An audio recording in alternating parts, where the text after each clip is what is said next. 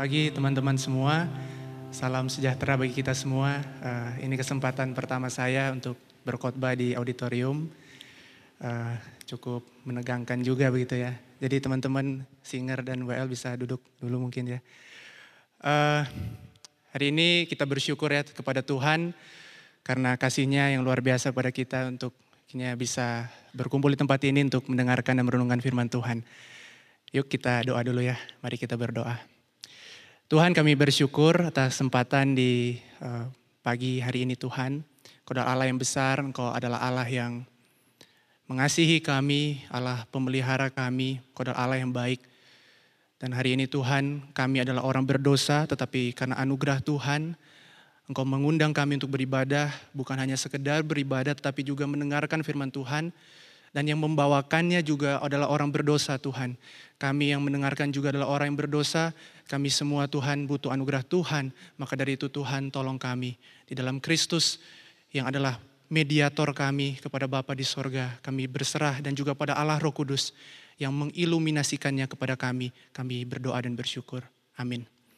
Saudara-saudara, eh, sebelum kita mulai lebih lanjut dalam perenungan firman Tuhan, saya mau tunjukkan satu gambar gitu. Ini getar juga. Nah, saudara-saudara ketika mendengar, eh, mendengarkan lagi melihat gambar ini saudara, uh, apa yang dipikirkan, yang ada di pikiran saudara? Ya mungkin beberapa tisyung ada yang relate begitu, tetapi kita jangan membawa masalah pribadi kita, tapi kita, saya ingin mengajak teman-teman melihat satu artikel ini ketika saya mempersiapkan khotbah ini, saya mendapatkan satu artikel ini dari Hello Sehat Nah itu ada logo Kementerian Kesehatannya juga, mungkin ini sesuatu yang verified begitu ya. Judul artikelnya menarik begitu. Hubungan adem ayem, kenapa pasangan masih saja selingkuh? Ini empat alasannya. Nah ada alasan yang menarik yaitu alasan yang keempat. Dikatakan orang itu selingkuh karena dia tertarik dengan orang yang bertolak belakang dengan pasangannya yang sekarang begitu. Nah saudara saya berpikir begitu ya, Seharusnya kan kalau kita menyukai seseorang, kita kan nyari yang ini ya, yang banyak kemiripan, ya kan, kecocokan, kesamaan. Dan bahkan yang udah lama ya kita berkenalan dengan seseorang, membangun relasi, kita pasti ada pengorbanan gitu ya, ada toleransi, kita berkompromi.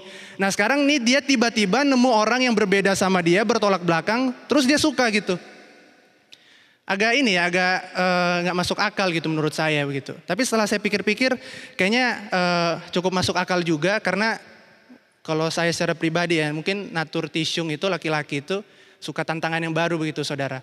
Jadi ketika ada dapat sesuatu yang, ih ini bertolak belakang nih gitu, coba ah gitu kan. Nah jadi Akhirnya dia tertantang dan mencoba sesuatu yang baru yaitu mencari pasangan yang lain. Saya tidak uh, sedang berbicara tentang seseorang gitu ya saudara. Tapi kalau saudara relate ya mungkin ini firman Tuhan hari ini buat saudara nggak saudara bercanda. ya saudara ya hal yang menarik lain saudara bukan hanya terjadi di dalam kehidupan nyata di dunia ini saudara. Uh, kasus yang mirip tapi tak sama ya terjadi juga di dalam uh, Alkitab saudara. Saudara di Alkitab juga ternyata ada kisah yang kayak begini saudara. Ada sese, bukan seseorang tapi sekelompok orang yang mencintai satu pribadi tetapi dia berselingkuh dalam tanda kutip dengan pribadi yang lain saudara. Siapakah itu? Ya mungkin saudara sudah bisa menebaknya. Mari kita buka di Amos 2. Kita buka di Amos 2 pasal yang eh pasal lagi ayat yang ke-6. Amos 2 ayat yang ke-6. Ini satu ayat saja saudara, mari kita uh, baca bersama-sama ya saudara ya. Amos 2 ayat 6. Di bawah perikop hukuman atas Israel. Satu, dua, tiga. Beginilah firman Tuhan. Karena tiga perbuatan jahat Israel, bahkan empat, aku tidak akan menarik kembali keputusanku. Oleh karena mereka menjual orang benar karena uang, dan orang miskin karena sepasang kasut.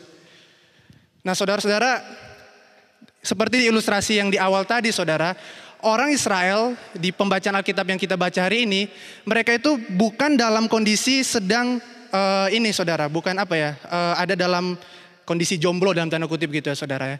Tapi dia ada dalam kondisi sedang bersama dengan pasangannya, yaitu Tuhan di dalam sebuah relasi yang disebut dengan relasi perjanjian atau covenant saudara. Nah, tetapi dikatakan di Amos 5 di pasal yang kelima itu dikatakan bahwa Tuhan itu menghinakan perayaan-perayaan yang dilakukan oleh orang Israel. Jadi kita tahu eh, teman-teman ya di sini bahwa orang Israel saat itu bangsa Israel menyembah Tuhan dan dia beribadah kepada Tuhan. Tetapi di satu sisi Tuhan berkata ibadahmu itu aku nggak suka gitu. Nah ini kan jadi pertanyaan. Harusnya kan kalau orang Israel beribadah kepada Tuhan harusnya itu hal yang benar begitu. Tetapi kenapa Tuhan mengatakan kalau kita baca di Amos 5 itu Tuhan menghinakan perayaan-perayaanmu. Ada apa saudara? Nah inilah yang saya sebut dengan uh, selingkuh tadi saudara. Ternyata sayang seribu sayang ya. Orang Israel itu berselingkuh dari Tuhan. Selingkuh apa? Nah itu yang jadi pertanyaan satu juta dolarnya kan saudara ya. Selingkuh apa yang dilakukan oleh orang Israel? Di ayat 6 diberikan keterangan yang sudah cukup lengkap begitu ya saudara yang untuk kita bisa mengerti kenapa sih Tuhan akhirnya mengatakan orang Israel ini seperti berselingkuh di hadapan Tuhan. Nah, ada dua keterangan di sana yaitu menjual orang benar demi uang dan menjual orang miskin demi sepasang kasut. Nah, kita lihat bahasa aslinya. Bahasa aslinya dari orang miskin di sini itu menggunakan kata ebion. Nah, ini penting untuk kita memahami uh, dosanya ini ya saudara ya. Jadi orang miskin di sini bukan hanya orang miskin secara ekonomi, tetapi juga orang miskin secara uh, ini ya tertindas gitu ya saudara, opres. Jadi ada sesuatu di luar dia, di luar dirinya yang menindas dia. Jadi ini bukan sekedar masalah ekonomi saudara. Ada lebih di, di luar itu ya, melampaui dirinya sendiri. Ada sesuatu yang menindas dia. Nah yang kedua, mengenai orang benar dikatakan menggunakan kata sadik. Nah sadik di sini sekali lagi bukan hanya sekedar benar secara moral, tetapi dinyatakan benar secara hukum gitu saudara. Nah, dua kelompok orang ini, orang miskin yang kita terjemahkan tadi sebagai orang yang tertindas dan juga orang benar yang kita terjemahkan sebagai orang yang benar di mata hukum. Nah, dua kelompok orang ini yang ditindas di kalangan orang Israel. Nah, mereka ditindas oleh pemimpin-pemimpin mereka yang lebih tinggi dari mereka karena mereka kan ada dalam strata yang lebih bawah ya saudara ya yang dua orang tadi itu dan ditindas oleh para pemimpin-pemimpin orang Israel. Nah, apa yang mereka lakukan? Ini yang menarik Saudara. Saudara dikatakan di ayat yang ke-6 tadi ya, dikatakan bahwa orang mereka menjual orang benar karena uang, orang miskin karena sepasang kasut. Nah, mereka menjual orang benar karena uang ini maksudnya begini Saudara. Ketika ada orang, misalkan ini anggap ada manusia di sini ya saudara ya. Nah saya orang kayanya begitu saudara. Nah orang kaya ini karena dia jahat, dia pengen orang miskin ini jadi budaknya dia begitu. Tapi karena tidak ada jalan supaya orang miskin ini jadi budak saya, dia menyuap hakim saudara supaya memberikan hukuman yang berat kepada orang miskin ini sehingga orang miskin ini gagal menunt ini ya membalas uh, hukumannya itu dan akhirnya kalau dia tidak dapat uh, membayar hukuman itu, dia harus jadi budak saudara. Paham ya maksudnya ya saudara ya. Jadi orang kaya itu membayar hakim untuk menjual orang miskin ini, uh, orang benar ini. Tetapi seperti yang saya sebutkan sebelumnya, orang benar ini benar secara hukum, nggak ada salahnya. Tetapi karena orang kaya ini jahat, dia tidak mau orang benar ini menjadi benar karena dia pengen dia jadi budak. Akhirnya dia menyuap hakim dan hakimnya pun mau untuk menjatuhkan hukuman yang berat kepada orang yang benar secara hukum ini. Paham ya saudara ya? Jadi inilah sesuatu yang apa ya saudara ya? Uh, jahat kan sih orang yang seperti ini ya saudara ya? Maksudnya ya kita bisa berargumen bilang gini ya, ya memang perbudakan itu adalah hal yang diatur di hukum Taurat begitu saudara. Tapi tidak demikian, nggak pakai cara seperti ini begitu untuk menjadikan orang budak perbudakan di zaman Israel itu adalah perbudakan paling manusiawi dibandingkan sekitarannya begitu saudara di daerah timur dekat kuno. Tetapi orang Israel membalikan hukum Taurat itu menjadikan sesuatu yang jahat di mata Tuhan. Yang kedua saudara, dikatakan menjual orang miskin demi sepasang kasut saudara. Saudara, kita pasti relate dengan gambar ini ya saudara ya. Swallow saudara. Swallow dibandingkan dengan misalkan sepatu Nike atau Adidas, itu harganya bumi langit ya saudara ya. Dan walaupun sama walaupun sama-sama diinjak gitu ya, sendal juga diinjak, tetapi harganya itu murah banget swallow ini saudara. Nah anggapnya orang Israel tuh kayak gitu dulu saudara.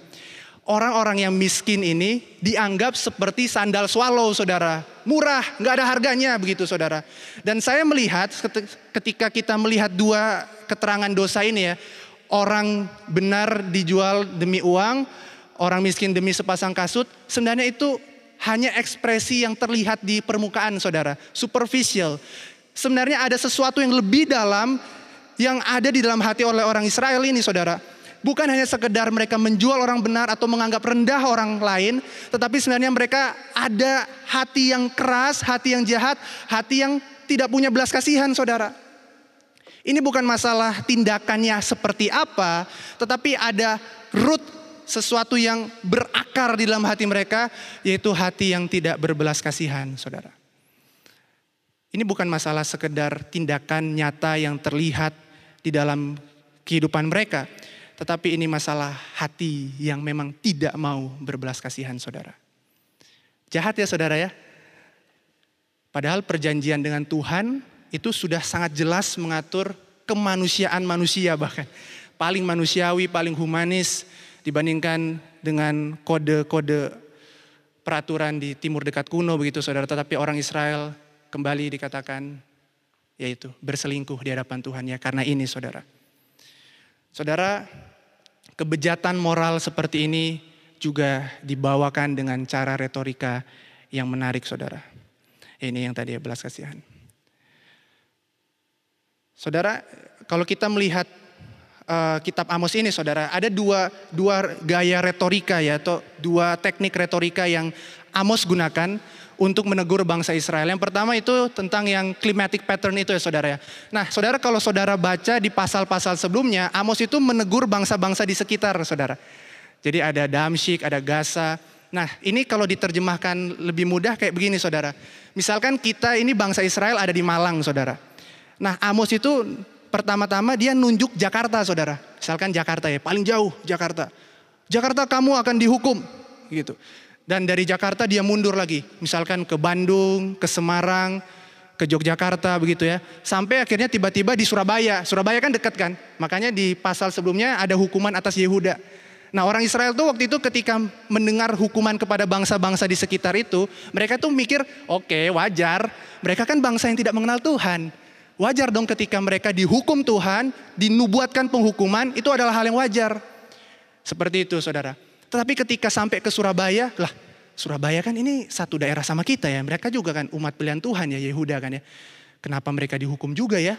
Hmm, ah mungkin karena kita nggak tahu nih keadaan di sana. Mungkin mereka udah meninggalkan Tuhan.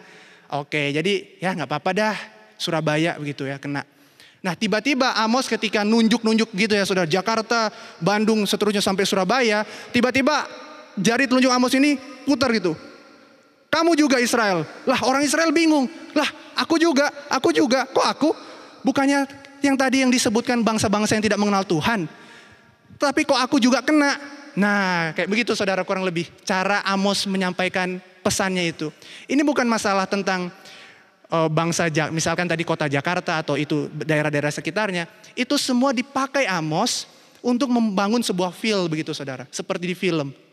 Yang sebenarnya klimaksnya ya ke bangsa Israel ini gitu. Untuk menyampaikan bahwa mereka ini adalah benar-benar orang yang berdosa di hadapan Tuhan. Bahkan disamakan dengan bangsa-bangsa yang tidak mengenal Tuhan saudara. Ini sebuah gaya retorika yang menurut saya sangat menarik sih. Yang kedua gaya retorika yang digunakan adalah karena tiga bahkan empat. Nah ini sebuah gaya retorika yang menunjukkan bahwa orang Israel ini benar-benar berdosa dan dosanya itu bukan cuma satu saudara. Tapi multiple, multiple offense. Jadi ada banyak pelanggaran begitu. Dan seorang teolog perjanjian lama yang kita kenal, Pak Ferry Yefta Mamahit, mengatakan, saya saya parafrasa aja ya saudara ya.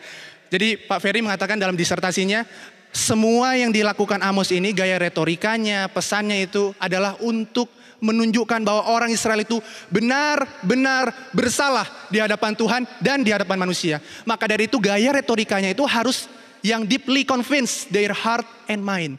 Karena dosanya begitu besar, dosanya begitu keras, orang Israel pun harus ditegur dengan begitu baik, dengan begitu keras dan kuat begitu saudara. Kualitasnya harus yang terbaik begitu. Dan itulah yang dilakukan oleh Amos di pembacaan Alkitab yang kita baca hari ini. Tuhan bukan hanya sekedar mengirim Amos untuk sekedar menegur mereka, tetapi Tuhan menggunakan kualitas yang terbaik, teguran yang paling indah dengan cara-cara yang paling menarik. Ini bukan sesuatu yang sembarangan, saudara. Hari ini kita membaca Alkitab, Amos 2 ayat 6 ini, kita harus berpikir bagaimana dengan kita hari ini saudara. Apakah kita juga sebenarnya adalah bangsa-bangsa Israel masa kini? Dan mungkin kita sering berpikir, well aku nggak melakukan sejat seperti bangsa Israel kok. Aku nggak menyuap hakim, aku nggak menindas sesama manusia. Well aku juga bukan bangsa Israel, aku keturunan orang lain gitu ya, keturunan suku lain. Aku bukan orang Yahudi. Well, sadarkah kita bahwa kita sering menjadi seorang apatis dan penindas praktis di dalam kehidupan kita? Maksudnya apa saudara? Saudara, apatis itu kan orang yang cuek ya saudara ya. Sadarkah kita bahwa kita sering kali melihat orang lain tetapi tidak ada kepedulian, tidak ada belas kasihan.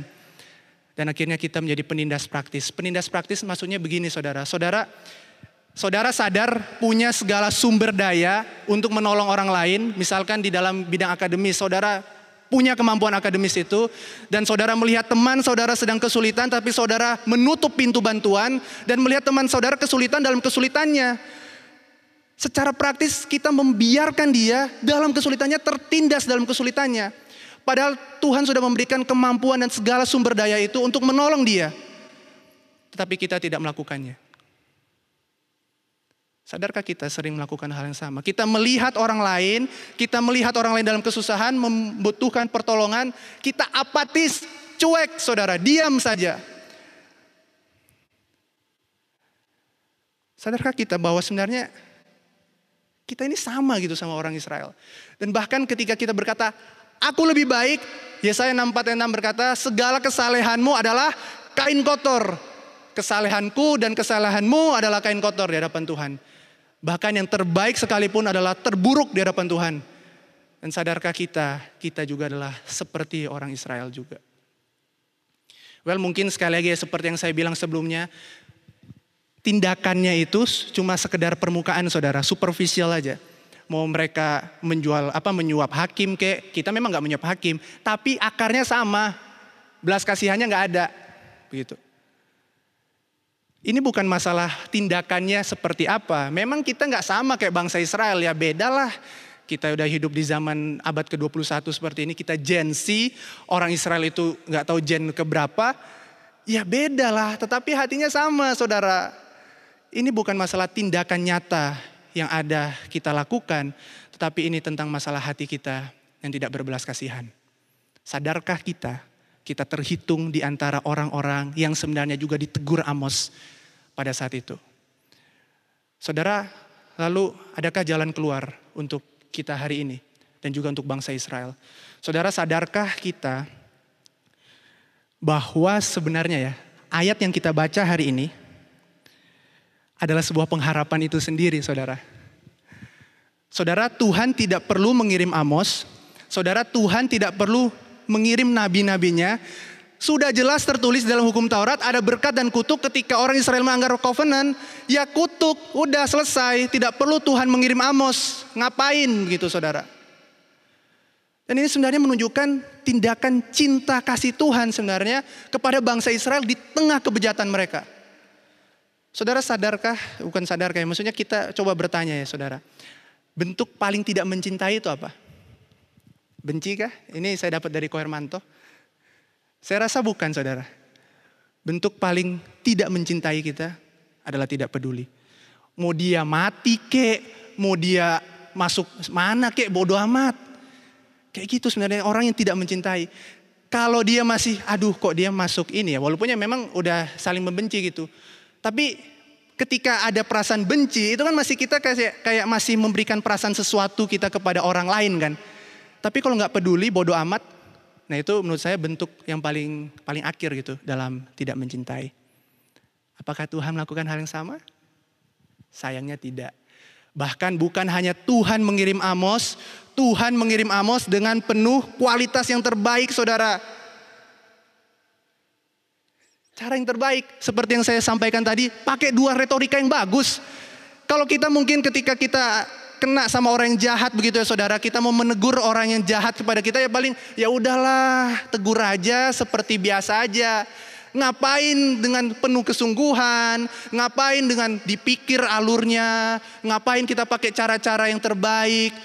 Well, tidak dengan Tuhan. Tuhan mengirim Amos dan dia menggunakan cara yang terbaik untuk menegur bangsa Israel. Walaupun tidak perlu, sama sekali tidak perlu. Saya katakan sekali, tidak perlu. Bahkan langsung hukum saja silahkan. Udah tertulis kok di hukum Taurat, berkat dan kutuknya. Ngapain dikirim lagi, gitu kan.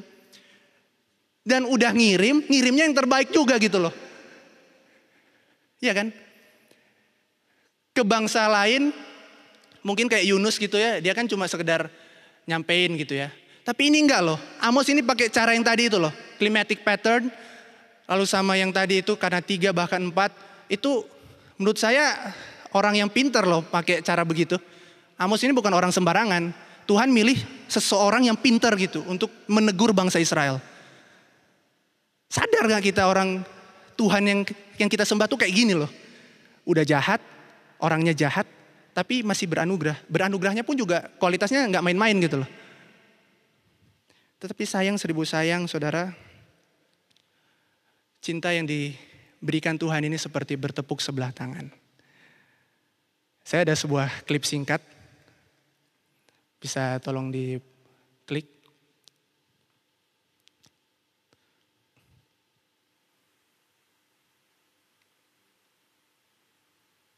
Uh,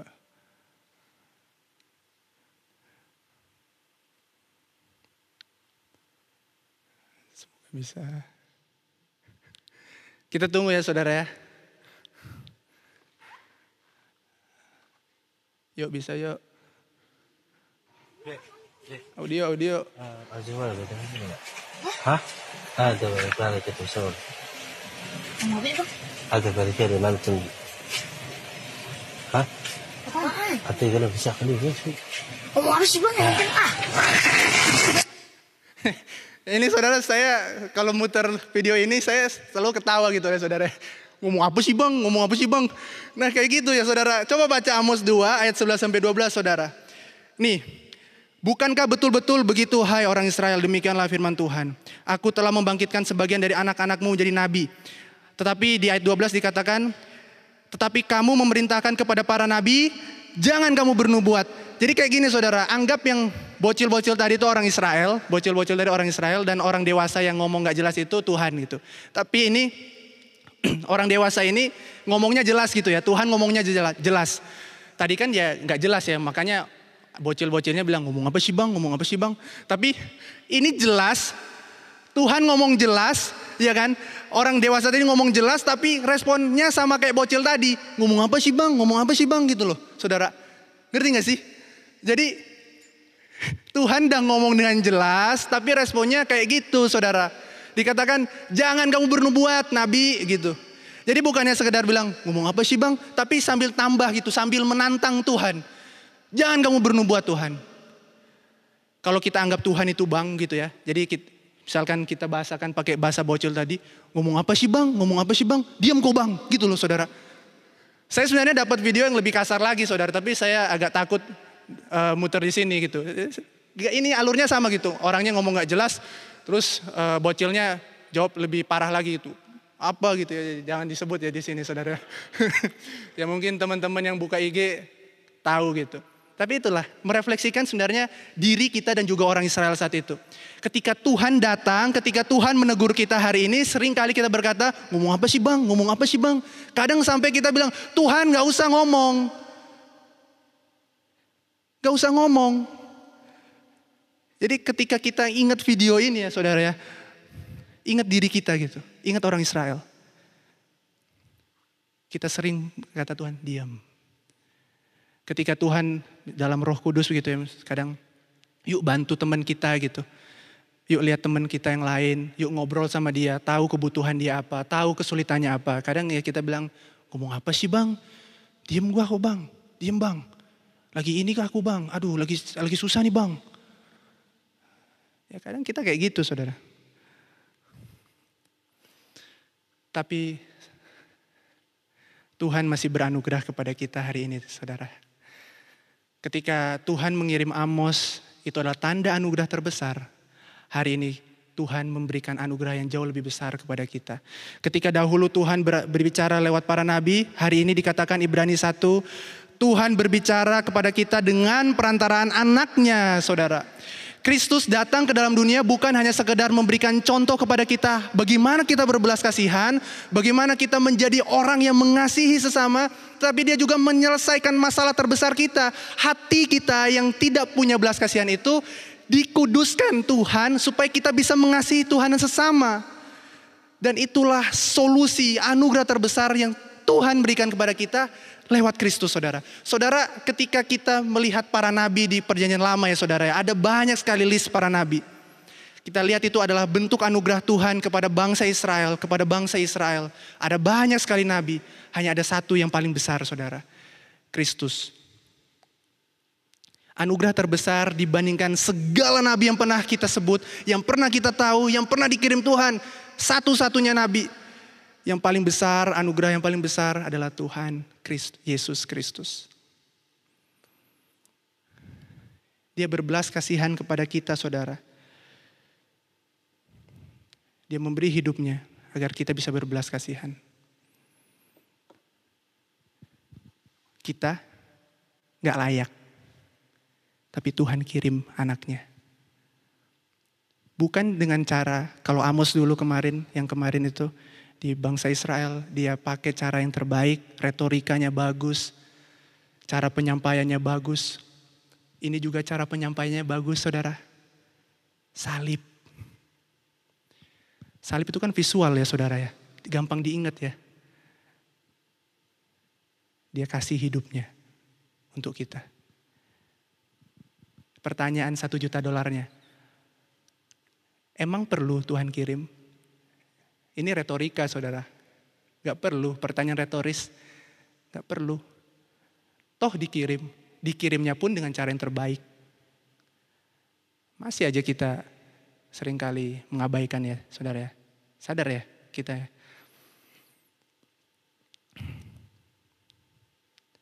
Inilah kita orang berdosa saudara. Tapi syukur kepada Allah Kristus memberikan dirinya untuk kita sehingga kita bisa kembali dari cara hidup kita yang lama kepada cara hidup kita yang baru, hidup yang penuh dengan belas kasihan. Dan Kristus memberikan teladan yang sempurna itu ketika dia bersama Maria dan Marta yang sedang berduka, Kristus berduka, memiliki belas kasihan dan bahkan dia membangkitkan Lazarus ketika dia melihat orang-orang sedang lapar, dia memberi makan 5000 orang. Kristus punya belas kasihan itu dan dia mencontohkan kepada kita hari ini orang percaya supaya kita juga memiliki belas kasihan yang sama seperti dia, saudara. Saudara, ketika hari ini kita percaya kepada Kristus dan kita tidak memiliki belas kasihan, satu pertanyaan krusial yang patut kita pertanyakan, check your Jesus. Benarkah benarkah Yesus yang kita percaya itu Yesus yang dikatakan Alkitab atau kita sedang percaya kepada Yesus yang lain? Check your Jesus. Sanggupkah kita menempatkan orang lain menjadi sesuatu yang penting dalam kehidupan kita sehingga kita mau melayani mereka, kita mau menghidupi mereka. Kita bukan menjadi seorang people pleaser ya saudara. People pleaser itu mengasihi orang lain supaya kita dikasihi gitu. Karena kita ingin mendapatkan sesuatu. Enggak, kita orang Kristen, kita sudah dikasihi, maka kita mengasihi orang lain. Kita sudah diberi belas kasihan Tuhan, makanya kita berbelas kasihan kepada orang lain. Saudara saya tutup khotbah saya ini dengan sebuah ilustrasi. Ini gambar bandar udara di Manado. Nah, ada seorang yang ada di bandara begitu, tapi dia masih di pelataran bandaranya begitu, saudara. Dan dia melihat orang lalu lalang pergi dengan pesawat begitu, penumpang-penumpang pesawat itu. Tapi dia cuma mengamati dan melihat gitu, saudara. Dia lihat pesawat, uh, oh sorry, penumpang pertama check in, lalu boarding, kalau bandara itu kecil gitu saudara dia bisa masih melihat landasannya, pesawat take off, landing, lalu penumpang uh, menyeberang gitu ya dari terminal ke pesawat menggunakan garbarata gitu ya jembatan kaca itu. Dia lihat setiap hari begitu dan lama sekali saudara-saudara dia lihat lihat lihat orang-orang itu berjalan-jalan di bandara itu dan satu kali dia berpikir begini saudara. Kapan ya giliran saya ya? Kapan ya giliran saya naik pesawat? Logis gak nanya gitu saudara? Kondisinya dia cuma cuma diem, cuma diem ngeliatin. Tiba-tiba dia nanya, kapan ya giliran saya?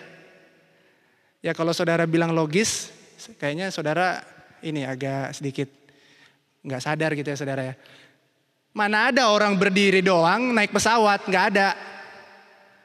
Dia perlu beli tiket, dia perlu beli tiket lalu pergi ke pos penjagaan itu, check in, boarding, naik pesawatnya, jalan ke pesawatnya, baru dia bisa dikatakan naik pesawat. Hari ini kita juga sama saudara, kita cuma ngeliat doang orang ada kesusahan, kita cuma ngeliat doang orang sedang membantu orang lain dan kita berpikir kapan ya saya berbuat baik, kapan ya saya berbelas kasihan, tapi kita cuma diem doang. Ya nggak akan bisa saudara. Kita perlu do something untuk melihat kesulitan orang lain dan melakukan sesuatu. Kita cuma mau lihat doang, lihat doang orang kesusahan. Ya nggak bisa saudara. We need to do something. Kita perlu melakukan sesuatu seperti orang tadi beli tiketnya, ya kan? Dia perlu jalan ke tempat check-in, dia perlu ke boarding, lalu menyeberang lewat jembatan itu naik pesawatnya. Sama juga kita hari ini mau belas kasihan kayak gimana kalau kita cuma diem ngeliatin doang. Sampai kapan? Sampai Tuhan Yesus datang kedua kali juga kita akan diem juga ya namanya diem. Mau gimana mau ngelakuin? Saudara, saya percaya mengasihi itu butuh waktu saudara. Butuh ada ada waktu yang perlu kita berikan, ada mungkin refleksi. Tapi sikap hatinya gitu loh saudara. Kadang bukan masalah waktu. Masalah yang memang kita nggak mau mengasihi orang lain gitu saudara. Hatinya memang ya yang nggak mau mengasihi, mau sampai kapan pun juga nggak akan bisa. Beda sama orang yang punya sikap hati dan di dalam sikap hati yang benar itu dia sudah menyadari kasih Allah, dia punya sikap hati yang benar itu dan dia sedang berpikir gimana ya caranya aku bisa mengasihi. Nah itu kan butuh waktu. Misalkan ya dia sedang berpikir, dia sedang bergumul mungkin dan dia minta pertolongan Tuhan. Nah itu beda saudara, itu butuh waktu memang. Tetapi ada orang yang memang sikap hatinya aja nggak ada dan dia sedang berpikir kapan ya saya mengasihi. Ya nggak bisa saudara. Maka dari itu yuk kita coba membuka diri kita. Coba kita lihat sekeliling kita. Kita membagikan hidup kita, mendengar cerita kisah hidup orang lain. Sehingga kita bisa paham apa yang sedang mereka butuhkan. Sehingga kita bisa berbelas kasihan juga ke mereka. Ya kan? Gimana kita tahu kalau kita nggak pernah ngobrol? Gimana kita tahu kalau kita nggak pernah memberi hidup kita ke mereka? Gimana kita tahu kalau kita ya hidup apatis, sekedar aja, cuek, tanpa ada sesuatu yang kita bisa lakukan. Saudara hari ini firman Tuhan menegur kita untuk kembali melihat orang lain sebagai sesuatu yang penting. Tuhan memerintahkan kita untuk mengasihi Tuhan dan mengasihi sesama. Bisa nggak kita mengasihi Tuhan mengabaikan sesama? Tuhannya yang suruh mengasihi sesama, masa kita mengabaikan? Gimana kita mengasihi Tuhan? Ya kan? Logikanya gitu kan. Hari ini kita belajar, yuk kita cek kembali kehidupan kita. Apakah kita benar-benar seseorang yang mengasihi sesamanya? Dan sebenarnya hari ini khotbahnya topiknya sebenarnya nilai karitas saudara. Di STT saat ini saudara. Kita kan satu keluarga. Ada nggak kita sebuah sikap yang penuh dengan belas kasihan untuk melayani sesama kita? Hari ini ketika kita mengingat Amos, ketika kita membaca bagian ini, sadarkah kita kita orang yang sama, tetapi Tuhan beranugerah kepada kita dan di dalam anugerahnya Tuhan ingin kita punya belas kasihan kepada sesama kita. Yuk kita lihat sesama kita, mulai keluar dari chapel ini, hidup kita untuk melayani sesama. Hidup kita untuk berbelas kasihan kepada sesama. Dan bukan untuk hidup bagi diri sendiri. Karena Kristus sudah mengasihi kita. Lebih daripada yang bisa kita bayangkan. Lebih daripada yang bisa kita pikirkan. Bahkan dia mengirim Tuhan anaknya sendiri. Untuk menebus kita. Untuk berbelas kasihan kepada kita yang berdosa. Yang seharusnya dihukum di dalam neraka itu. Amin. Mari kita berdoa. Kristus kami bersyukur, kau adalah Allah yang besar, Adalah Allah yang mengasihi kami. Dan sebagaimana Tuhan sudah mengasihi kami, sudah berbelas kasihan kepada kami yang berdosa. Tolong kami Tuhan untuk juga mengasihi orang lain sebagaimana Tuhan juga mengajarkan kepada kami. Kristus adalah teladan sempurna bagi kami untuk mengasihi dan berbelas kasihan kepada orang lain. Tolong kami Tuhan. Tolong kami Tuhan untuk mengasihi sesama kami Tuhan. Karena Tuhan yang menolong kami, kami adalah orang yang lemah dan terbatas. Kami butuh Engkau Tuhan, kami butuh Engkau. Kami butuh anugerahmu karena hati kami sebenarnya hati yang jahat, hati yang tidak punya, punya belas kasihan Tuhan. Sehingga kami butuh anugerah Tuhan untuk mengubahkan kami lebih dahulu, baru kami bisa mengasihi orang lain. Tolong kami Tuhan, siapa pun kami di tempat ini Tuhan. Tolong kami untuk mengasihi, punya hati yang belas, berbelas kasihan kepada orang lain. Kami bersyukur Tuhan atas firman-Mu. Di dalam nama Tuhan Yesus dengan kuat kuasa roh kudus, kami berdoa dan bersyukur. Amin. Saya kembalikan ke worship leader.